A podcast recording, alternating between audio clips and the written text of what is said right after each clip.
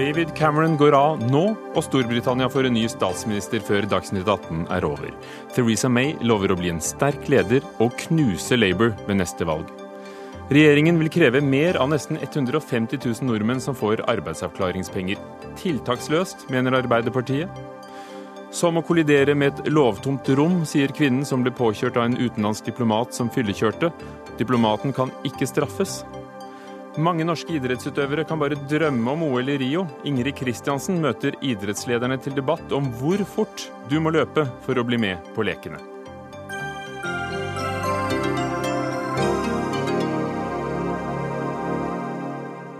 Velkommen til Dagsnytt 18 i NRK2 og NRK P2. David Cameron er på vei til dronning Elisabeth for formelt å tre av som statsminister. Gry Blekastad Almås, utenriksmedarbeider og tidligere London-korrespondent. Du står utenfor eh, Downing Street nummer ti.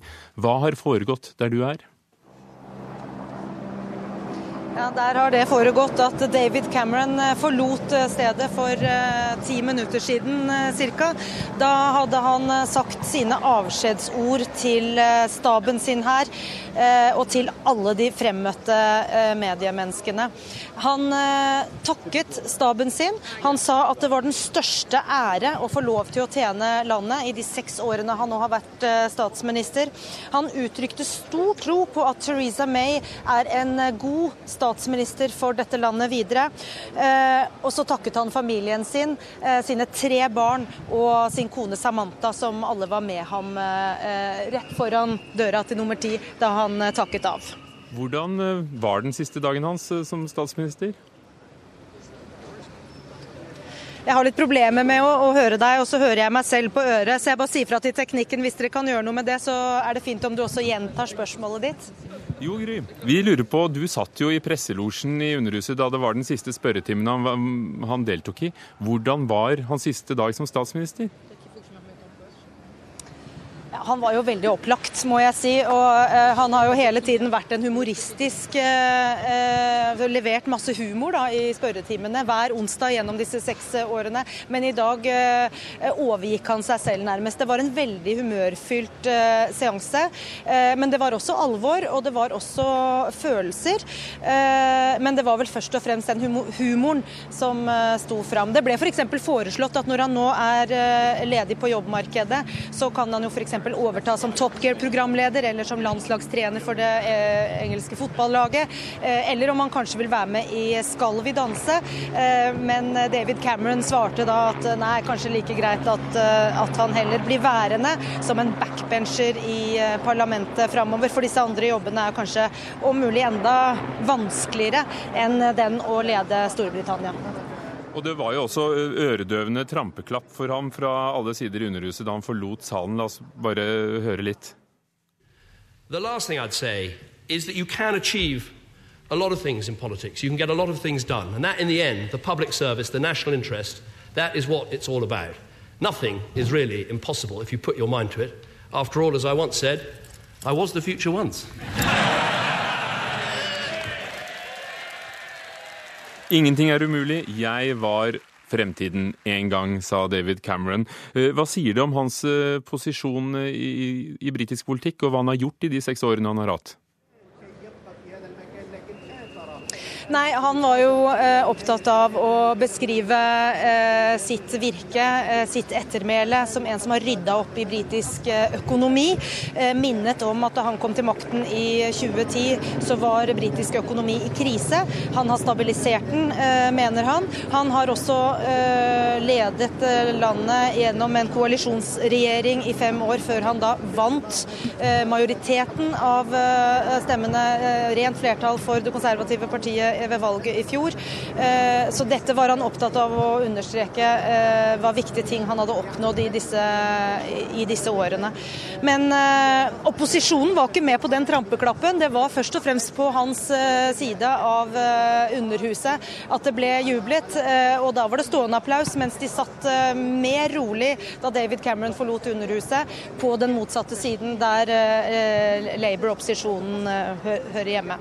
Det var bra du fikk rettet opp det bildet, Gry Blekastad Almås.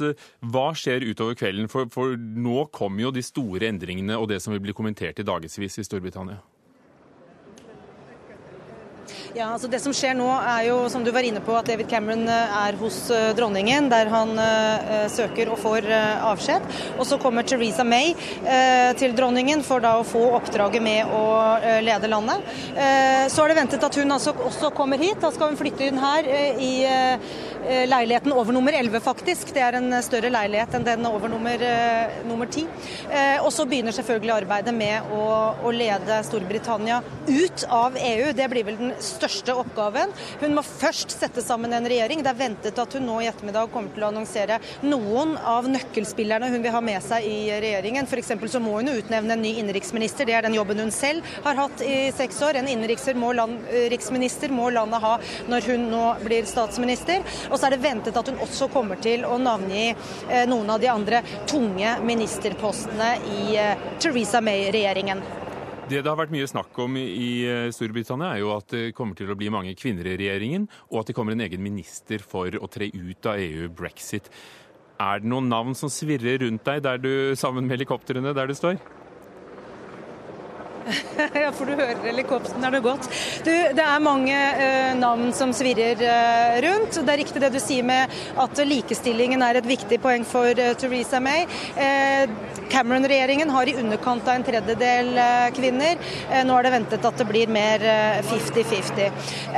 Det er spekulert i om det kan komme en kvinne inn i den tyngste ministerposten ved siden av statsministeren, nemlig finansministeren, finansministerposten. Den er det jo George Osborne som i dag har, en lojal spiller til David Cameron. Det er nå trolig sånn at han ryker ut av regjeringen. Eh, men eh, utenriksminister Philip Hammond er et annet navn til akkurat den posten. Eh, men det er altså veldig mange navn som svirrer, og veldig lite man vet akkurat nå. Man lurer jo f.eks. også på om f.eks. Boris Johnson eller Michael Gove, de to brexit-generalene, om man kan kalle dem det, får en framskutt posisjon eller ikke i Theresa Mays regjering. Takk skal du ha, Gry Blekastad Almås. Vi kan følge deg videre bl.a. i Dagsrevyen når eh, Dagsnytt 18 går av luften, om hva som skjer og hvilke navn som kommer i London. Kristina Solli, du har selv arbeidet som politisk rådgiver blant toryene, det konservative partiet, i Underhuset i, i tre år. Eh, og sammen med Theresa May. Hvordan er hun? uh, ja, hun var sjefen til sjefen min, bare sånn at det er sagt. Hun er en tøff dame. Hun er uredd. Eh, jeg eh, syns hun alltid var veldig vennlig, men en person du kanskje ikke kommer helt innpå. Hun er litt distansert. Og hun er altså kjent for å ikke være med i noen av disse klikkene som så gjerne oppstår innenfor House of Commons og innenfor partiene, da. Hun uh, har jo masse erfaring og er en veldig det man kaller en no nonsense-politiker som bare får jobben gjort. Det var også sånn hun lanserte sitt eget kandidatur. Hun er en som bretter opp ermene og gjør det som må gjøres. Jeg vet av byråkratene som har jobbet under henne, så er, det, er hun kjent for å alltid være veldig grundig, leser alle saksdokumenter, og hun er veldig vel respektert blant både de og de parlamentariske kollegaene sine. Jan Erik Rindheim, leder av Europabevegelsen og statsviter i tankesmien Civita.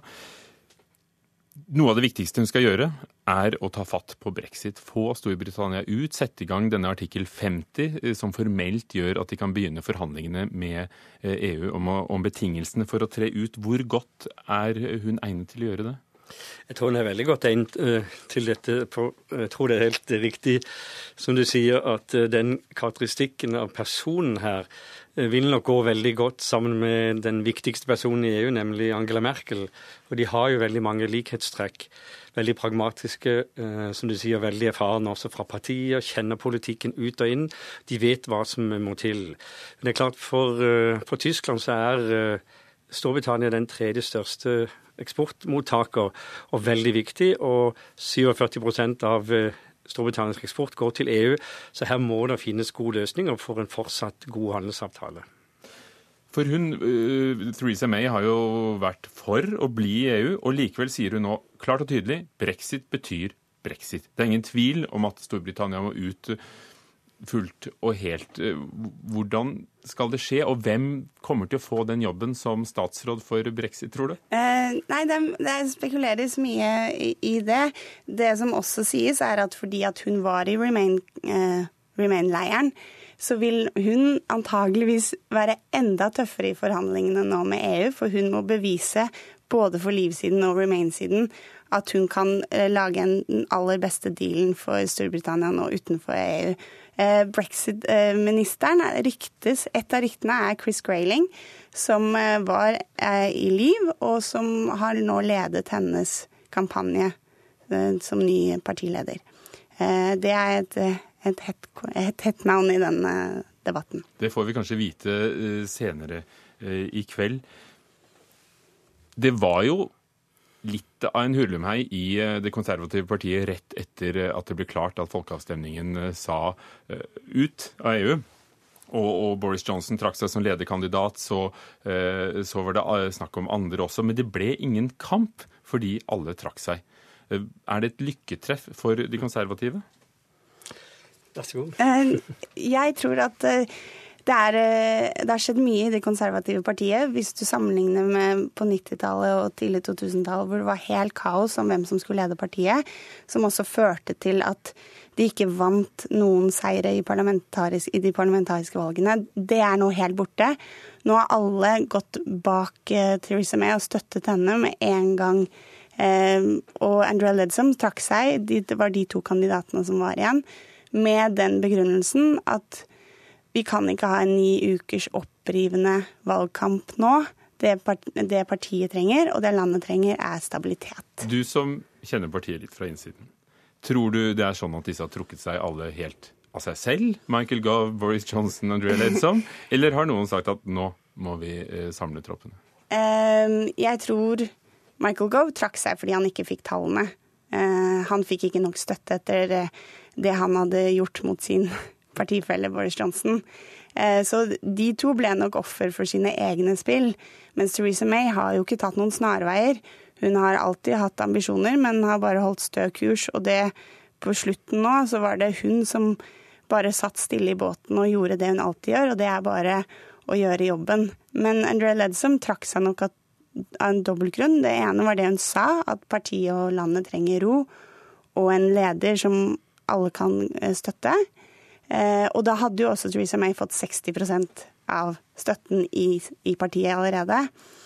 Eh, men det var også fordi at hun er veldig fersk i gamet, og jeg tror hun hadde fått kjenne på hva det virkelig ville si å være i ilden. Hun hadde fått mye personlig angrep i uken før hun trakk seg. Labour er derimot i, i, full opprivende konflikt om ledervervet. Eh, kan det gjøre at hun får rett, at jeg vil knuse Labour ved neste valg? Grinde? Ja, Det kan det veldig godt. og Vi ser det jo over hele Europa at uh, begge disse to partigruppene, de, de konservative, altså det norske Høyre da, og Sosialdemokratene Arbeiderpartiet her i Norge, disse to ansvarlige partigruppene sliter over hele Europa. Så det er klart sånne opprivende konflikter som vi ser i Labour i, Storbritannia nå, med Corbyn som er så upopulær blant eliten, men så pass populær da blant grasrota, er veldig ødeleggende for partiet. Og det er klart, hvis nå Theresa May greier å få dette til, og få en god avtale med EU, øh, og det tror jeg nok hun er den rette til å få til, så er det klart at uh, de konservative kan knuse Labour ved neste valg. Men, det, men, dette er to partigrupper som sliter generelt sett. Det er også de som generelt sett forsvarer det europeiske prosjektet, med stor motstand fra mange partier. Du nevnte Angela Merkel, mm. Tysklands forbundskansler. Men hvilke andre samarbeidsmuligheter har hun i EU? Hvor tror du hun vil finne eh, alliansepartnere for å, å, komme seg ut av det med skinnet i behold?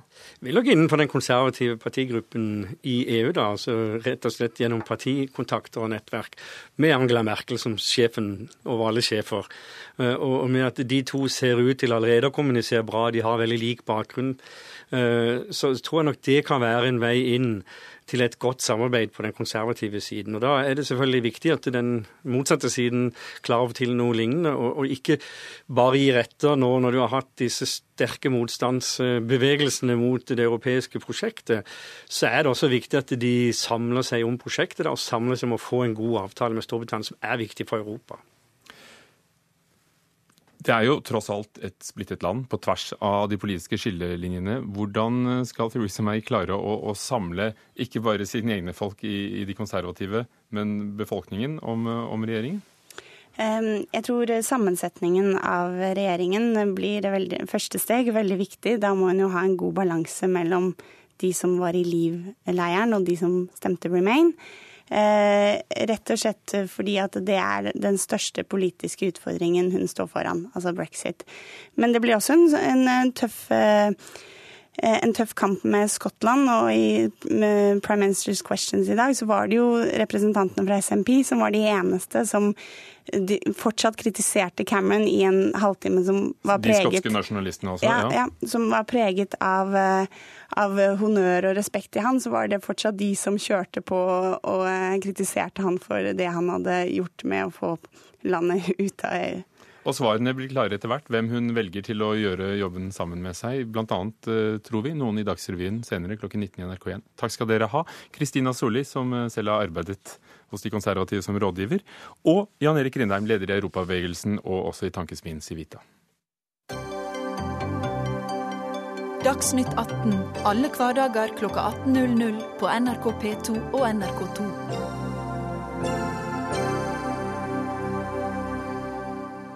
Regjeringen vil gjøre det vanskeligere å få arbeidsavklaringspenger fra Nav. Det ble klart etter at arbeidsminister Anniken Hauglie la frem flere, faktisk fire, forskjellige forslag til innstramminger i forrige uke.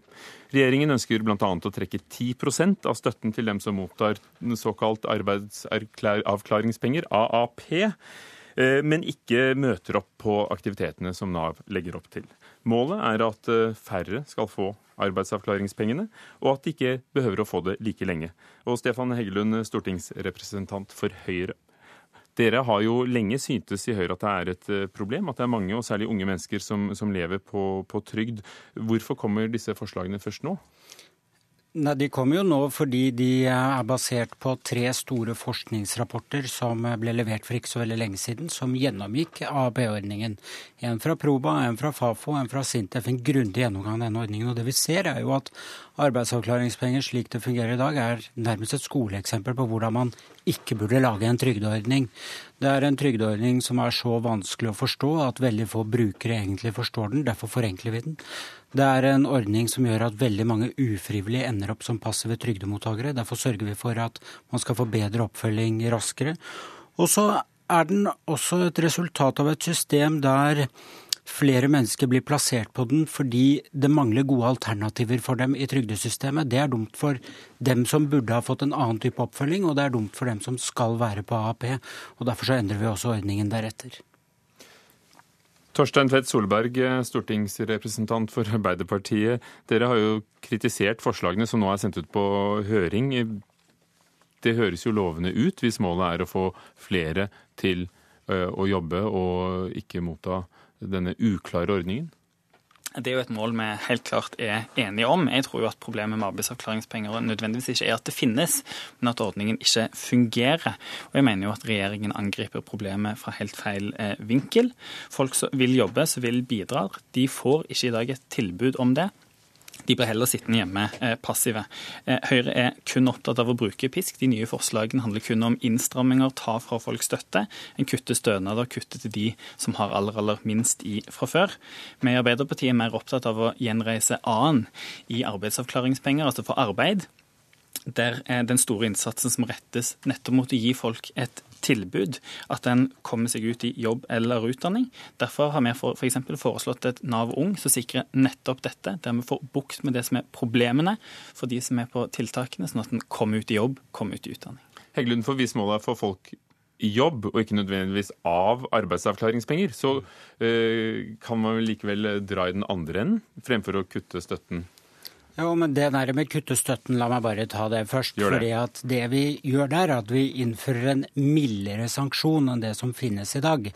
Det er slik at hvis man er på arbeidsavklaringspenger i dag, så kan du miste hele støtten dersom du ikke møter opp på aktiviteter over en viss tidsperiode.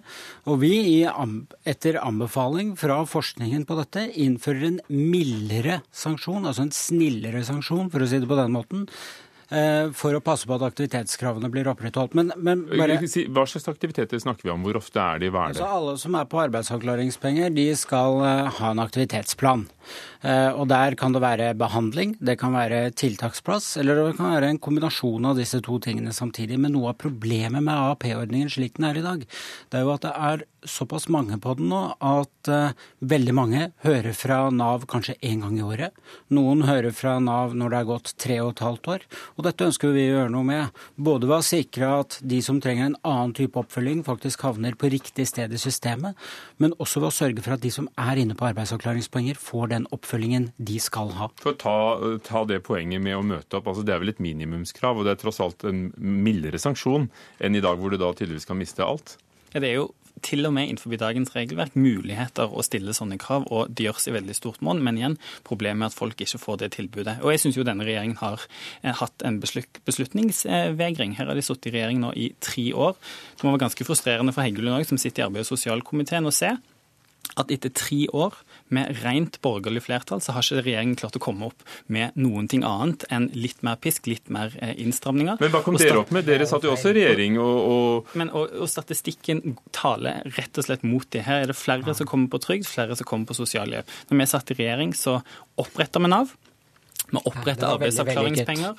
Vi eh, forbedra det. Nav lærte og ble bedre. Og med Nav Ung, vårt eh, forslag nå, så vil vi kunne ta det, det neste skrittet, gjøre det enda bedre. Og Det er ganske hårreisende å høre at Heggelund her sitter og sier at Nav-reformen ikke fungerer. Altså Vil Høyre tilbake igjen der vi har tre ulike eh, svingdører der en ikke, ikke eh, har et samla Nav? Det er jo et åpent spørsmål. Det er ingen som vil oppløse Nav. Det er en debatt ingen i Norge tar i det hele tatt. Så jeg skjønner ikke hvor det kommer fra i det hele tatt. Men jeg synes det er interessant at du er stolt over din gjennom, eller Arbeiderpartiets gjennomføring av Nav-reformen. Det er vel en av de så langt en av de minst vellykkede reformene noensinne gjennomført i norsk historie. Det er derfor vi tar grep for å ta Nav inn i en ny tid. Men tok det virkelig tre år for å ta det grepet? Nei, du snakker det... om at det var mye forskning bak det, men uh, det tok Nei, men... tre år for å komme til. Og, og det dere foreslår, altså at det skal gå maks tolv måneder mellom hvert oppfølgingspunkt, det er jo ikke Altså ett år er minimumskravet. Det er da uh, litt hvitt. Det er det, det absolutte minimumskravet. Og jeg minner om at med den AAP-ordningen som finnes i dag, som er Arbeiderpartiets verk, så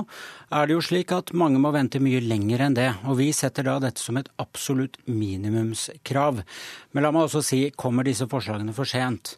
Skulle man ønske at slike forslag kunne komme tidligere? Ja, selvfølgelig. Men vi var altså opptatt av å sette noen forskningsteam på denne ordningen, og se hvordan denne ordningen kunne bli bedre. Det gjorde vi tre ulike, Proba, Sintef og Fafo, som har levert grundige rapporter på dette. Vi skjønte, vi kan dessverre ikke gå inn i nei, alle resultatene, nei, men, men, nå skal jo disse forslagene ut på høring. Vi er opptatt av å levere disse forslagene basert på den forskningen som er gjort. Og de skal jo i tillegg ut på høring, så, så da vil jo alle få sagt sitt om hvordan de tror det kan fungere? Og Dessverre så understreker jo det bare beslutningsvegringen til regjeringen. Her er det sender en fire forskjellige modeller ut på høring. En skyver enda mer på å ta beslutninger. og Det virker egentlig som vi sitter og venter på at en ny regjering skal komme og overta og få bukt med dette. Og bare for å svare på det med Nav-reformen òg.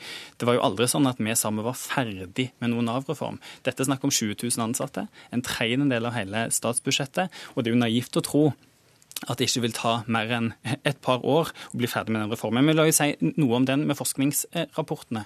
Fordi eh, Det er ganske spesielt å, å høre Heggelund her. For den regjeringen har jo hoppa bukk over den viktigste anbefalingen fra forskningsrapportene. Og det står i Sintef og Fafos rapport at den største svakheten med arbeidsavklaringspenger i at Nav-kontorene ikke har ressurser til å gi den tette oppfølgingen som var intensjonen med eh, ordningen. Og Dette er det ingen forslag om.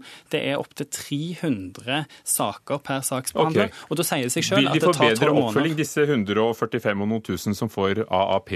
Vil de få bedre oppfølging med reformen, eller vil bare flere bli uføretrygdet i stedet. For det viser seg at seks måneder etter at folk har sluttet med det i dag, så er 35% uføretrygdet. Korrekt.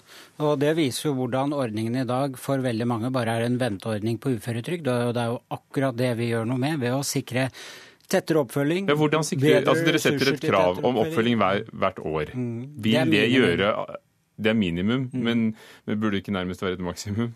Altså, Burde ikke være mye strengere krav? Nei, det burde jo ikke være et maksimum. Det burde, Nei, det burde aldeles ikke. Men eh, det, det, vi hører, er at hvordan sikrer du tettere oppfølging ved bare å sette kravet? Ved å sikre at det er de som faktisk skal være på AAP, som er på AAP, og at de som mangler et alternativ i trygdesystemet i dag, får det alternativet og får den oppfølgingen de skal ha istedenfor AAP-oppfølgingen. For det er jo det som er noe av problemet her, at det er en del mennesker som blir plassert på AAP av mangel på alternativer. Altså, vi, vi, må stoppe der. Og så får du sluttreplikk. AAP, en venteordning. At det er bedre å få dem der de skal være og kan få den riktige oppfølgingen. Ja, Det er jo derfor jeg vil bruke de siste sekundene til å si litt mer om Arbeiderpartiets løsning for vårt forslag med Nav Ung om nettopp dedikert oppfølging. Vi skal ha tre måneders oppfølgingsplikt, sånn at en nettopp får fulgt opp de som vil ut i jobb, vil ut i utdanning. som må oppnå målet. Men det forslaget ligger ikke på bordet. Det er interessant at han eh, nevner Ung, fordi at nå driver vi og rydder opp i de mislykkede ungdomsordningene Arbeiderpartiet allerede har skapt. Vi skal gå fra jeg tre ordninger som ikke fungerer, til én ordning som fungerer. Takk skal dere ha, Stefan Heggelund fra Høyre og, og Torstein Tvedt Solberg fra Arbeiderpartiet.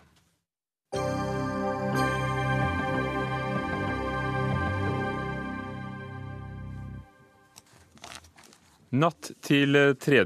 januar i år kolliderte en sørafrikansk diplomat med en varebil i Oslo. Diplomaten var påvirket av alkohol og kjørte på rødt lys. Pga. diplomatisk immunitet kan ikke den norske staten straffeforfølge ham, og den sørafrikanske ambassaden sendte ham hjem, men utover det har det skjedd eh, lite foreløpig.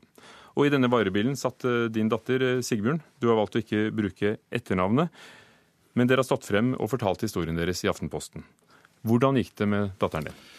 Ja, Det går jo opp og ned, selvfølgelig. Eh, hun ønsker jo egentlig å være i full jobb, og, at hun kunne ha tatt eh, de fagene hun trengte for å komme inn på sykepleierutdanning ved siden av jobb. Eh, men 3.1 så stoppa jo begge deler. Så status nå er at hun er 100% sykemeldt, og at hun ikke fikk tatt opp det hun trengte, og at studiene er satt på vent. I dette intervjuet med Aftenposten så sier hun at det var som å kollidere med et lovtomt rom. Hva ligger i den uttalelsen? Ja, det, altså Normalt i en ulykke som det her og andre ulykker, så vil det jo være spørsmål som, som, eh, om ting dekkes av en forsikring, eller om det ikke dekkes av en forsikring, eller om det er gjerningspersonen som må stilles til ansvar eller ikke. Um, I dette tilfellet så, så vi jo veldig tidlig at, tidlig at uh, her er det snakk om immunitet. De skrudde av skiltene, det var det første jeg så. Så kanskje ikke har vært ei ulykke engang. Um, og så mitt fokus var da på en måte å, å prøve å, å, holde roen og, og, og, frembringe til ambassadøren uka etterpå at vi var urolig både i forhold til hvordan det gikk med vår datter som da ikke kunne røre seg på, på sykehuset, og i forhold til om Sør-Afrika som nasjon tok ansvar for det den immune diplomaten eh, hadde gjort, som ikke ble dekka av forsikring. da. Ja, for Hvilke konsekvenser har det hatt for dere, rent praktisk, og for, for datteren din, at, eh, at Sør-Afrika har valgt å ikke oppheve diplomatens immunitet? Ja, så Det vil jo si at man i så fall kunne hatt en, en rettssak. Det er jo for så vidt ikke noe ønske om, om å ha en, en rettssak, da. Men, men, det vi ønsker, det er jo at det finnes et system som ivaretar den som blir utsatt for diplomatiets vold. Ikke bare at man sender diplomaten tilbake, og så har man ikke noe da er det ikke noe mer man skal gjøre. Sør-Afrika sier at eh, dere kan eh, forfølge saken i den sørafrikanske retten. Er det en mulighet for dere? Ja, Vi hadde møte med en eh, høytstående leder i UD fra Sør-Afrika i februar, som var her for å lage en rapport. Og Det han var ute etter, det var jo om vi fremdeles mente at Sør-Afrika skulle stå til ansvar, og det mente vi jo. Og Da sa han at vi måtte gjerne gå til rettssak mot Sør-Afrika. Og da sa jeg veldig tydelig mm, eh, at eh, vi ikke ønska å bruke verken mer tid eller ressurser på den saken enn den allerede hadde forårsaka. Og at vi ønska at Sør-Afrika frivillig eh, tok ansvar for det diplomaten hadde gjort. Og, og, på det tidspunktet så vet vi jo, visste vi jo ikke hva det dreide seg om i det hele tatt. Altså Vi har jo ikke snakka om noe penger eller noen ting. Og vi vet jo heller ikke før om tre til fem år hvordan det her egentlig har gått. Men det du frykter er at uh, dere kunne fått krav på, din datter hadde hatt krav på mer erstatning fra forsikringsselskapene hvis man kunne stilt noen til ansvar? Altså det, jeg har ikke noen forutsetning for, for, å vite, men det vi ønska å vite, det var om Sør-Afrika eh, stilte seg til rådighet for å kompensere det som ellers ville ha blitt gjort i en rettssak, eh, som nå ikke vil bli gjort i en rettssak. Og svaret du fikk var? Det har vi ikke fått svar på. Rapporten skal være ferdig i februar og, og tas opp i regjeringsapparatet i Sør-Afrika. Og etter det har verken UD eller vi fått noe svar på konklusjonen. Hva, hva mener du at norsk utenriksdepartement burde gjort annerledes? Altså, de har jo gjort Altså, De har henstilt til at han ble sendt tilbake, eller for så vidt eh, henstilt at immuniteten skulle oppheves. og Det gjør jeg så sjelden, og det skjønner vi jo for så vidt. Eh, og Vi skjønner også at det sånn, finnes sånne regler, men, men, det kan ikke være sånn at diplomatiet lever i en boble, og alle utafor som blir ramma, må klare seg som best som de kan. Så det må justeringer til. Og vi har spurt både Sør-Afrikas ambassade og UD om å være med her. De hadde ingen av dem anledning til. Men UD skriver til oss det finnes ingen ordninger administrert av UD som ville kunne brukes i saker av denne typen, det er beklagelig dersom denne kvinnens forsikring ikke dekker hennes tap fullt ut, men det er dessverre ikke noe UD kan ta ansvar for. Sofie Høgestøl, forsker ved Norsk senter for menneskerettigheter ved Universitetet i Oslo. Lever diplomatiet i en boble? Ja, de gjør egentlig det. Um, det litt, jeg synes det var veldig beskrivende det dere sa i Aftenposten, at det er som å møte på et, et tomrom juridisk. Og det er fordi at diplomater av denne karakteren, dvs. Si toppdiplomater som er utsendt i Norge, de har krav på av folkeretten eh, ikke bare til immunitet fra strafferettssaker, men også immunitet f.eks. til å bli avhørt. Eh, jeg skjønner det slik i denne saken her at han nektet f.eks. å avgi en prøve på om han fyllekjørte. Og det har han full krav på under diplomatisk immunitet. Hvorfor har land gitt hverandres diplomatiske diplomatisk immunitet? Dette er jo en gammel ordning? Det er en veldig gammel ordning. Det jo, har jo oppstått pga. nødvendig altså Det har vært nødvendig for at man skal få til smidige og gode internasjonale relasjoner. Man kan, eh, hvis man ser på de historiske røttene til diplomatisk immunitet, så trekker det seg helt tilbake til Romerriket. Eh, jeg tror det var vel I moderne tid så var det vel Storbritannia i 1708 som innførte strafferettsimmunitet for diplomater. Så dette er gamle lover som også har høy respekt i det internasjonale systemet. Man ser at man bryter rett og slett ikke eh, diplomaters immunitet. Det er, det, det er eh, det er nesten en sånn krigserklæring diplomatisk å gjøre det. Men, men, hvor langt gjelder det? Altså Her snakker vi om en alvorlig ulykke. Og, og vil det gjelde i tilfelle drap, f.eks.? Ja. Eh, toppdiplomater under disse lovene er ukrenkelige, som man kaller det på, på, gammelt diplomatspråk. Og Det innebærer at de har full immunitet av, eh, fra norske straffevesen, og at politiet f.eks. ikke kan arrestere dem. De kan ikke eh, spørre dem ut mindre de gir samtykke til det selv. De kan ikke avhøre dem slik de ville gjort i en normal straffesak. Halvard Leira, seniorforsker ved Norsk utenrikspolitisk institutt og, og forfatter av boken om UDs historie.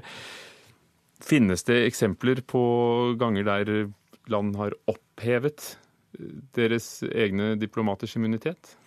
Det finnes jo eksempler på det eh, i nåtiden. Jeg kjenner ikke noen eksempler fra Norge, eh, men vi har ganske mange eksempler på lignende saker som det som har skjedd nå. For her ba jo UD Sør-Afrika bare få dager etter ulykken om å oppheve immuniteten, uten at det skjedde?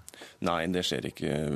Jeg kjenner ikke noen norske eksempler på det. Det finnes jo internasjonale eksempler. Eh, men eh, det vi har mange eksempler på i Norge, er, eller mange, mange, iallfall en del, er at eh, UD har bedt om at immuniteten blir opphevet, eller også bedt om at diplomater blir hjemkalt.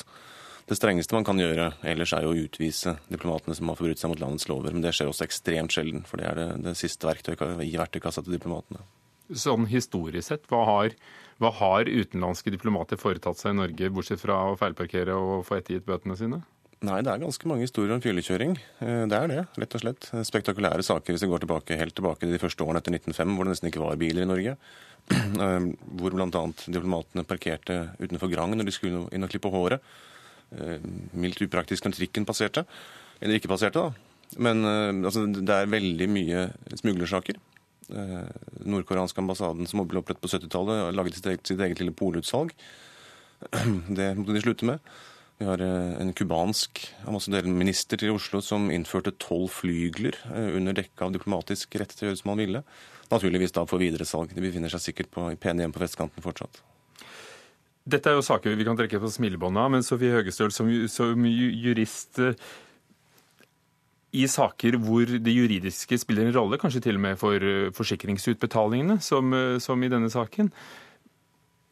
Er det noen bevegelse internasjonalt for å se på dette i forhold til konvensjonen? Ja, altså, Det skjer jo sånne saker hvert år. Og du ser jo samme type diskusjoner hvert år om hva kan vi gjøre. Kan vi begrense denne totalimmuniteten som disse toppdiplomatene har, til å kanskje bare gjelde for deres, um, det, de, det, de, gjør i, i, i Rigia sin jobb. Dvs. Si at det ikke dekker deres personlige atferd, som å fyllekjøre på byen. Um, problemet med det, og det, det er litt av grunnen til at vi har disse reglene, er at mange diplomater er um, utsendt i land som, hvor de er i betente situasjoner diplomatisk. Uh, neste saken her er vel Kina og Filippinene. Uh, filippinsk diplomat i Kina kan i dag under disse reglene føle seg trygge på at uh, Kina ikke kan bruke deres straffelov til å, til å begå represalier mot dem, skulle det, skulle det være, skulle det bli en opptrapping i situasjonen. Og at... For, for ja, vi skal snakke om Sør-Kina-havet ja, ja. og, og, og, og, Kina som ikke anerkjenner Haagdomstolen. Ja, ikke sant. Og, da er det viktig at eh, jeg tenker at disse, det jo, dette gjelder jo for norske diplomater utlandet også. Eh, og dersom man skulle begrense immuniteten til norske diplomater, slik at de kan bli stilt for strafferetten i andre land, så betyr det at f.eks. diplomater i Saudi-Arabia, kvinnelige diplomater i Saudi-Arabia, hvor man har et veldig spesielt straffelovsvern av kvinner, ikke vil kunne være immune for f.eks. å vise, vise lår. Det, så det, det, er, eh, det, er, noen klare, det vil legge noen klare bånd på hvilken type diplomatiske uh, bånd vi kan ha med et land som uh, Saudi-Arabia. Jeg bare si at Vi har ikke noe problem med at det finnes immunitetsregler. Men vi har problem med at det ikke finnes ordninger som gjør at offeret for diplomatiet blir ivaretatt. Men, og da blir det på en måte på nasjonsnivå, ikke individnivå. Jeg tenker at det, det, er et kjempeviktig og godt poeng er at vi vet jo at det kommer sånne saker. Det skjer sånne saker med jevnlig mellomrom. Og da er det viktig at Norge har et system eh, nasjonalt hvor vi kan ivareta ofre som blir utsatt for disse typer saker. Og det har vi ikke i dag. Og det har vi ikke i dag. Halvor Leire, er det, er det ingen internasjonal bevegelse på dette feltet? Er det bare snakk om at diplomatiet må smøres, eh, gjøres lettere ved at vi gir hverandre immunitet? For å snu litt på det, så er det jo i og for seg en, en eh, fantastisk seier for sivilisert samkvem at vi har disse reglene. Altså er, de er veletablerte, de respekteres. Det er uhyre sjelden at de brytes. Altså da, da, den amerikanske ambassaden ble okkupert i, i Teheran i, i 1979, så var det en kjempesak. Det er veldig veldig sjelden det skjer. Altså, dessverre så skjer det jo ganske ofte at, at diplomater angripes. sånn som altså, Benghazi er et relativt nylig eksempel på det, som har fått mye presse. Men hva ville Norge gjort i motsatt situasjon, eh, tror du? Finnes det noe erfaring som tilsier om eh, norsk diplomat ville mistet sin immunitet hjemmefra? Det fins eksempler på at nordmenn har forbrutt seg mot, mot lover, eller norske diplomater har forbrutt seg mot lover i det landet de har uh, vært uh, stasjonert i. Uh, jeg vet ikke om UD har noe godt register på det. Hvis de har det, så tviler jeg på at de har lyst til å dele med oss. Men i det små så vet vi at f.eks. Thorvald Stoltenberg som ambassadør i København sa at hvis hans ansatte fikk parkeringsbøter, så måtte de betale dem selv. Er det en linje UD legger seg på? Jeg tror ikke det er en sentral linje fra UD, men det er en, en, vel en tendens mot at eh, land eh, Altså man, man også likesinnede land velger å, å, betale den typen bøter, f.eks. Det var en sak forrige uke hvor vi så at New Zealand gikk ut og opphevet eh, immuniteten til en diplomat i Sør-Korea. Det er klart at Hvis Norge ønsker at eh, utenlandske land skal gjøre det for oss, så må vi være flinke og sette en linje og gjøre det ja, i tilfeller som gjelder norske diplomater i utlandet. Hva har dere ønsket å oppnå ved å, fortelle deres historie, Sigbjørn? Ja, så eh, Vi har jo prøvd å finne en diplomatisk ordning, for vi har ikke hatt noe ønske om å komme i, i media i det hele tatt. Um, og så ser vi det at um, der er ingen vilje til å, å, komme på banen i det hele tatt. Og da tenker vi at da er det greit at verden får vite hvordan situasjonen egentlig er. Men vi ønsker ikke noe sånn skriverier på sosiale medier. Takk skal dere ha, og det er derfor du Sigbjørn, velger å ikke bruke etternavnet, men har fortalt historien om hva som skjedde med din datter i januar i år. Takk til Sofie Høgestøl ved Senter for menneskerettigheter, og til Halvard Leira ved NUPI.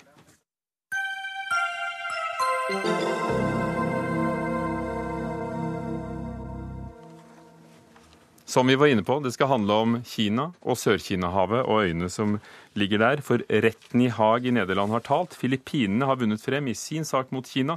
Kinesere kan ikke gjøre gjeldende krav til havområdet rundt øyene i Sør-Kina-havet på 200 mil. Disse øyene har bare krav på 12 mil rundt seg. Men retten tar ikke til stilling til hvem som eier øyene.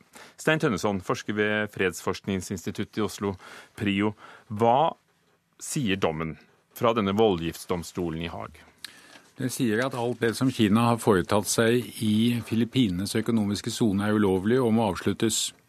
Hva er det de har gjort, da? Ja, De har bygd kunstige øyer, og de har drevet og prøvd å hindre filippinere i å fiske, og de har skadet miljøet, ifølge Filippinene og ifølge dommen. Og så har også domstolen litt overraskende bestemt at ingen av øyene som du sa nettopp, har rett til mer enn tolv nautiske mils territorialfarvann. Noe som betyr at Kina overhodet ikke kan ha noen krav til økonomisk sone i den sørlige delen av Sør-Kinahavet. Så det er et voldsomt slag i ansiktet på Kina. Men disse øyene, er de filippinske, er de kinesiske? Hvem bor der? Ja, det er, det er, ingen har aldri vært noen fast bosetning der. Og Det er noe av grunnlaget for beslutningen om at de ikke kan ha mer enn territorialfarvann. Men det er tropper der, og det er værmeldere fra de forskjellige landene. Det landet som okkuperer flest av dem, er Vietnam. Eller Filippinene ganske mange. Og så er Malaysia noen, og Taiwan sitter på den største. Og Dessuten så har Kina bygd kunstige øyer på skjær der. og Det er det som dommen nå sier at var ulovlig. Men det er vel ikke noe stor overraskelse at Kina ikke, ikke, anerkjenner denne dommen? De har jo ikke vært med å utnevne dommere som man skal i en sånn voldgiftsdomstol. Det var fire europeiske dommere og en fra Ghana. Ja, og Det er eh, kinesernes skyld at det ble sånn. Fordi at kineserne nektet å være med på voldgiften. Og da fikk de heller ingen innflytelse over hvem som skulle sitte i den. Så det ble overlatt til presidenten i havrettsdomstolen i Hamburg, som var en japaner. Og han valgte da de han mente hadde størst integritet og størst kjennskap til eh, folkerett, og som dessuten var inn, ikke var inhabile. Ren Jenny Lindgren, forsker ved Norsk utenrikspolitisk institutt, eh, NUPI. Vi hørte det er mange stater som er involvert her. Hvem har de største interessene i området? Ja, det er jo veldig mange, faktisk. Um, og det er ikke bare de som er involvert i konflikten som har interesser, det er også de som Eh, overalt i verden, egentlig. Um, som um, uh, Stein har nevnt, så har Taiwan uh, et krav. Kina har et krav. Brunei, uh, Malaysia har et krav. og Filippinene, Vietnam. Um, men i tillegg til disse her er det en veldig stor interesse på USA sin del, på Japan sin del. Og, det er uh, mest fordi um, dette har uh, noe å gjøre med freedom of the seas. Det er et veldig viktig område for handel. Um, og Japan, som er et maritimt nasjon som um, er avhengig av å ha makt og handel uh, på denne måten, er veldig spent for å se hvordan Kina kommer til å reagere på dommen. I tillegg har Japan sitt eget konflikt med Kina i Øst-Kina-havet. Den gjelder om den Sankaku-øyene på japansk, Diaoyu på kinesisk fantastisk. Um, så de ser veldig spent på Kina uh, og hvordan de kommer til å uh, svare, eller hvordan de kommer til å um, bevege seg uh, i framtiden. USA selvfølgelig er veldig knyttet til konflikten også pga. allianser i, regionen, ikke minst med Filippinene. Men når du sier 'freedom of the seas', eh, hva består det i? At, at folk skal kunne seile hvor de vil? Riktig. At fartøy kan eh, kjøres uh, i uh, dette internasjonalt fartvann. Um, og Washington mener at det er viktig å vise det fram, og derfor har de begynt uh, sånn operasjon 'Freedom of the Sea', hvor de skal ha fartøy i vannet som skal kjøre rundt. og prøve å vise de andre at de er uh, egentlig uh, fredelig og skal være et sted hvor mange kan gjøre det samme. Um, så det er for uh, Washington en veldig viktig sak, ikke bare for handel, men også for forsvaret i regionen. Og det kan godt være veldig provoserende for Kina. Amerikanske marinen den har jo seilt gjennom der nokså uforstyrret mens de har dominert. Og så driver de militærøvelser i nærheten av Kina, og de driver rekognosering på havbunnen. og Det provoserer kineserne. Det vil kineserne ha slutt på, men det er veldig viktig for den amerikanske marinen å få fortsette med det. Så, så dette er militært, altså. Så her er Japan, Kina, eh, USA har interesser, i tillegg til Taiwan og Filippinene. Og, og vi ser disse små øynene i midten av det hele. I det lille bildet, hvem er det som lider under denne konflikten? Hvilke folk er det som, taper? de som, som har lidd aller mest, det er eh, skilpaddene og fuglene og fiskene, hele det naturlige miljøet. Er det noe som landene burde, rundt Spratly-området burde gjøre, så var det å gjøre dette til naturreservat, sånn at du kan beskytte mangfoldet i, eh, i havet. Men Har du noe tro på at det kan skje? Du skriver ja. i kronikken i Dagbladet at, at Kinas øverste leder bør, bør tenke eh, fredelig og diplomatisk og inngå forhandlinger med Filippinene. Men Er ikke det bare ønsketenkning? Nei, det er faktisk ikke det. fordi at I dag kom det fra eh, State Council, eller statsråd, eller hva vi skal kalle det i Kina, så kom det et uh, white paper hvor de faktisk strekker ut en hånd til Filippinene og sier at de gjerne vil forhandle. Kineserne har hele tiden ønsket bilaterale forhandlinger, men det har vært veldig vanskelig å få dem til å si noe om hva de vil forhandle om, fordi at kravene deres har vært så uklare. Det kan godt være at selv om ikke kineserne vil innrømme det, at denne dommen nå gjør det lettere å få til forhandlinger. Så, og Dessuten har Filippinene fått en ny president som er mer Kina-vennlig enn den forrige. Så jeg tror det er utsikter nå i kjølvannet av denne dommen til å få samtaler mellom Filippinene og Kina. Det beste de kunne snakke om, var det jeg nevnte nettopp fisk prøve å beskytte fiskeforekomstene. Det har de felles interesse i. Hva tror du? Vil de kunne lykkes den veien? For vi har jo sett Kina overfor Japan med de øynene de krangler om, eh, sette inn det militære apparatet. Ja, men um, Japan og Taiwan har kommet inn med en veldig godt uh, avtale om fisk når det gjelder Øst-Kina-havet, så det er mulig at fisk er en veldig bra måte å komme til forhandlingsbordet, syns jeg.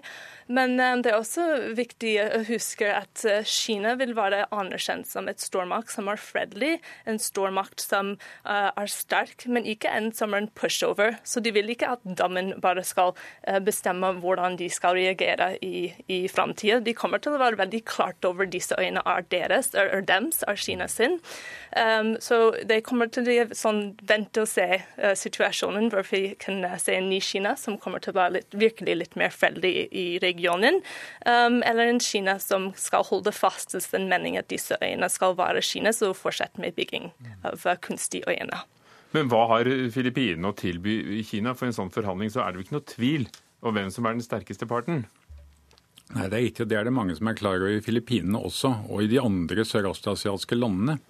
Så de er nok noe bekymret over hvordan Kina kan reagere på en dom som går så sterkt imot Kina. For faren er jo nå derfor at det kommer et press fra kinesisk side for å gjøre noe militært. Eller f.eks. begynne å bygge også på Scarborough-revet, som Kina fravristet ved Filippinene i 2012. Det ville være veldig ødeleggende, for da kan Filippinene be amerikanerne om å hjelpe dem, og så kan du få stygge militære episoder. Hvorfor har denne konflikten kommet opp nå, altså selv om den har pågått siden 1500-tallet? Eh, Nei, siden 1500-tallet har den nok ikke pågått, men den eh, fikk virkelig fart på seg i 1930-årene, da Japan kom inn i bildet. Men, eh, eh du skriver om 1600-tallet? Ja, ja, ja, det gjør jeg. Da var det konflikt om Taiwan. Egentlig veldig mye handler også om konflikten om Taiwan. Kina vil jo ha kontroll over Taiwan. Det er et mye mye større spørsmål. Men samtidig har Taiwan store interesser i Sør-Kina-havet, og de er også en taper i denne dommen. For Taiwan sitter jo på den øya som man nå har fått vite at ikke skal ha mer enn tolv eh, nautiske mils territorialfarvann. Men hvorfor nå? Ja, Hvorfor kommer det på akkurat nå? Det er blitt verre og verre de siste årene. Eh, var, du hadde stygge episoder i 1995. Så fikk du en rolig periode etter 2002 hvor du faktisk fikk en avtale mellom ASEAN og Kina om at alle skulle holde seg på matta. Så kom det opp igjen fra 2009, er blitt verre og verre. Og Det som utløste dem, tror jeg nok, i 2009, var FNs eh, deadline, altså fristen for å komme inn med beregning av hvor store kontinentalsokkelen er.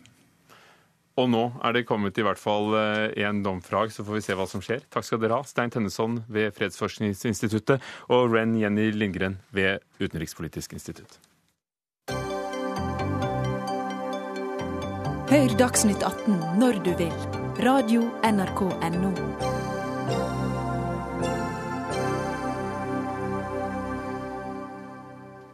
Hvor fort må du løpe, hvor høyt må du hoppe for å komme deg til OL i Rio de Janeiro? Det er spørsmålet. Men selv om eh, mange norske utøvere har klart det internasjonale OL-kravet, er det slett ikke sikkert de blir tatt ut til OL-troppen. Det er fordi Norge stiller strengere krav til sine utøvere, og krever at de må nå kravet i den samme sesongen som det er snakk om å reise. Og blant dem som ikke har hoppet høyt nok eller løpt fort nok, finner vi et sinne Okparaebo, Isabelle Pedersen eller Henrik Ingebretsen. Alle risikerer de å bli igjen i Norge. Ingrid Kristiansen, tidligere langdistanseløper med verdensrekorder. og Hvorfor mener du at dette er negativt for utøverne, at, at OL-troppen krever at de skal være blant de aller beste? Jeg syns det er litt trist, for at eh, det er jo tross alt friidrett. Det er en ganske internasjonal eh, øvelse, eller idrett. da. Vi har jo over 190 deltakerland. Og lille Norge, det, det er ganske tøft. Eh, at eh, utøverne da skal måtte springe eller hoppe bedre enn det som det internasjonale kravet. Der syns jeg Norge stiller veldig eh, harde krav. Rett og slett dårlig kan, Vi kan risikere å få dårligere rekruttering til norsk friidrett.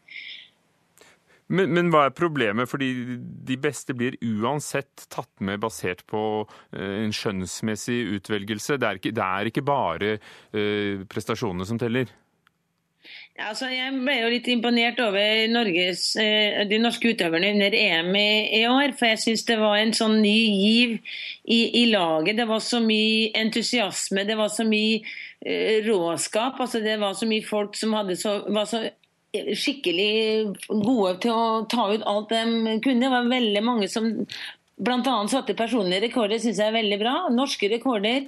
Eh, og hvis de, hvis de, da har greid kravet som, altså kravet eh, som internasjonale forbund har satt, så skal vi i Norge liksom stoppe dem fra å kunne være med. Da er jeg dessverre redd for at det kan gå utover rekrutteringa, hvis du tenker på i hvert fall i forhold til langrennssporten.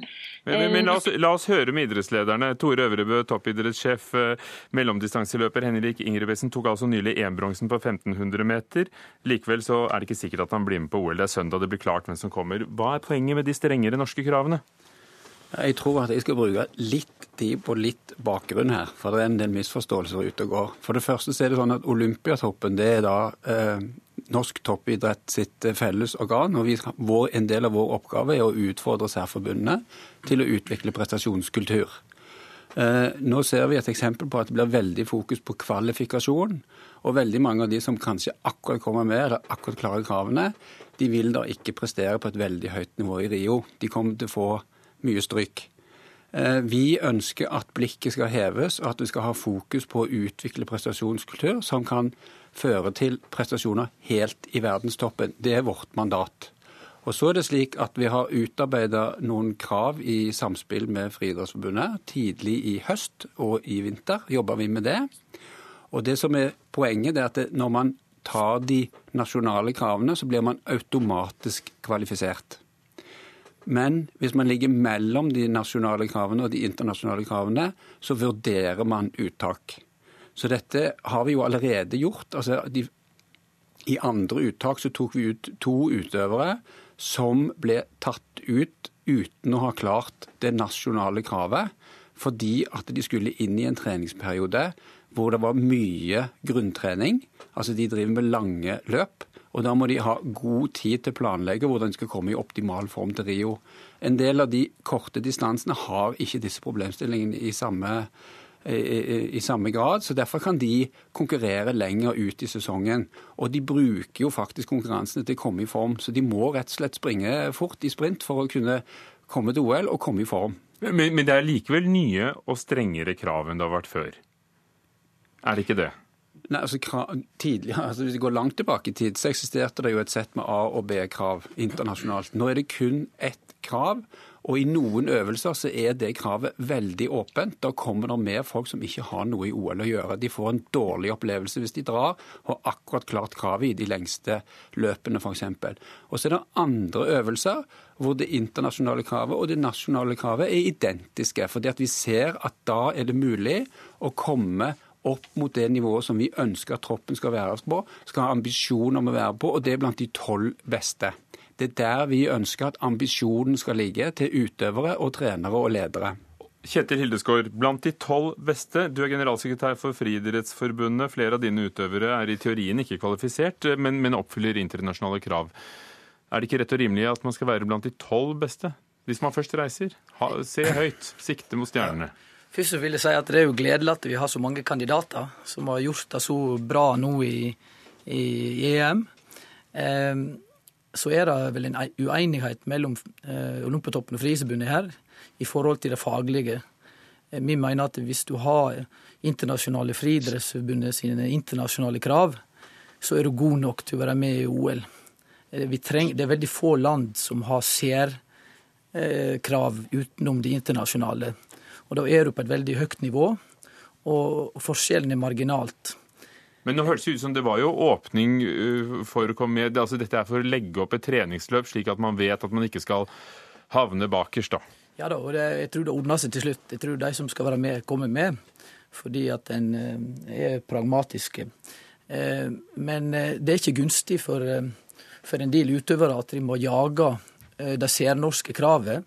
Det gjør at de, de må toppe formen flere ganger utover, i stedet for å begynne optimaliseringstreningen Eh, mot OL for å få en best mulig prestasjon der.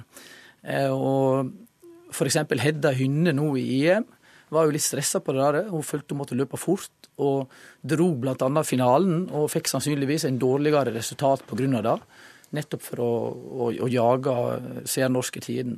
Ingrid Kristiansen, når du hører eh, både reaksjoner fra friidretten og, og forklaringen fra toppidrettssjefen, hva, hva syns du? Blir du klokere på det? Nei, egentlig ikke. Altså, jeg, som idrettsutøver selv så ville jeg jo ikke dratt til et OL hvis jeg ikke visste jeg kunne bli veldig god. Altså jeg kunne hevde meg og kanskje bli blant de tre beste. Men jeg var jo da kommet veldig mye lenger enn veldig mange av de som kanskje er aktuelle i denne sammenhengen her.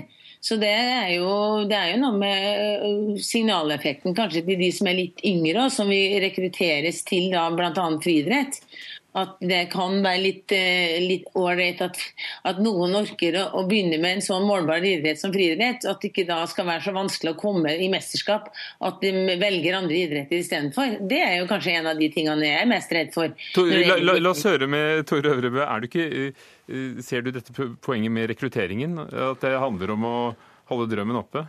Eh, ja, og jeg, jeg, tror jo at OL er jo et sted hvor det både skapes drømmer og det motsatte av altså, mareritt. Det er jo en tøff arena å være på. Og hvorfor satse på at Norge absolutt skal være blant de tolv beste? Altså, det er en stor, en stor, klode, og vi er et lite land. Er det ikke også moro å delta, faktisk, selv om man ikke nødvendigvis blir blant de åtte til tolv beste? Særlig når vi vet at land som Russland osv. Eh, du er utestengt pga. Doping. Ja, De siste poengene der ble jo en del av skjønnet, da. Men det, det, er litt på siden av det som er her. Altså, Vi har jo andre nasjoner, bl.a. vårt naboland Sverige. De har jo tøffere eh, nasjonale krav enn Norge igjen. Og en salig debatt om det der også. Ja, det vil jeg tro. Men det har noe med Vil du utvikle en prestasjonskultur hvor det er normalt å tenke å bli best, eller skal du ha en kvalifikasjonskultur hvor det viktigste er å komme med? Og når det gjelder akkurat OL, så er det toppen av kransekaka i internasjonal idrett. Det er liksom der det virkelig skal skje. Det er et karrierehøydepunkt for utøverne. Når det gjelder rekruttering, så er det veldig mange andre mesterskap. Det går an å skaffe seg mesterskapserfaring. Blant annet så var det 55 utøvere med i EM nå sist. Det er ganske mange som får mesterskapserfaring, men det er ikke alle de som skal til OL, for det er for de aller beste, og det bør det være, og der bør ambisjonen ligge. Prestasjon, ikke kvalifikasjon. Ja, men Dette er litt tull. for at det, eh, Om du løper på 1,45,80 eller 1,46 blank på 800, to tiendedeler, så er du på akkurat samme nivå. Du har akkurat like gode forutsetninger for å hevde deg i OL. Altså En del av de særnorske kravene er symbolske eh, og, og, og, viser ikke forskjellen på nivå. Det er samme nivå. Og vi vet òg at eh, sånn som i mesterskap, så er det ofte lureløp på mellomdistanse og langdistanse. Det går veldig rolig, og så er det bånn pinne. Da så vi på Filip eh, Ingebrigtsen som kom inn i EM nå, eh, og hadde gjort gode forberedelser, men hadde ikke klart kravet, det internasjonale kravet heller. Men når det gikk rolig, så, så var han rask og hadde kjempeavslutning på slutten. Så det er vanskelig på forhånd å si hvem som vil prestere mest. Men det er der de skal og, bruke skjønnet og, sitt, da? Og vi har jo de kravene, internasjonale kravene hvert Eh, hver gang det er VM i friidrett. Og alle som kommer inn der, er jo på et høyt nivå. Så jeg tror ikke vi trenger noen ekstra krav i Norge. Ingrid Kristiansen, tror du vi går glipp av å se noen gode norske prestasjoner i OL etter at vi får vite hvem som eh, får reise?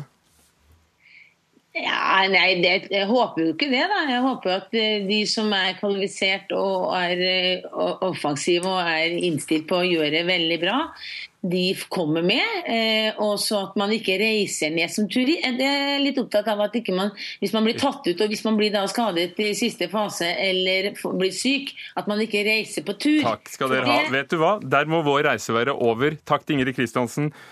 Tor Øvrebø, toppidrettssjef og Kjetil Hildeskår fra Friidrettsforbundet. Vi tar med at Theresa May akkurat har overtatt som statsminister i Storbritannia. Denne sendingen var ved Ingebjørg Sebu, teknisk ansvarlig Lisbeth Sellereite og Ugo Fermarello, programleder. Takk for i dag.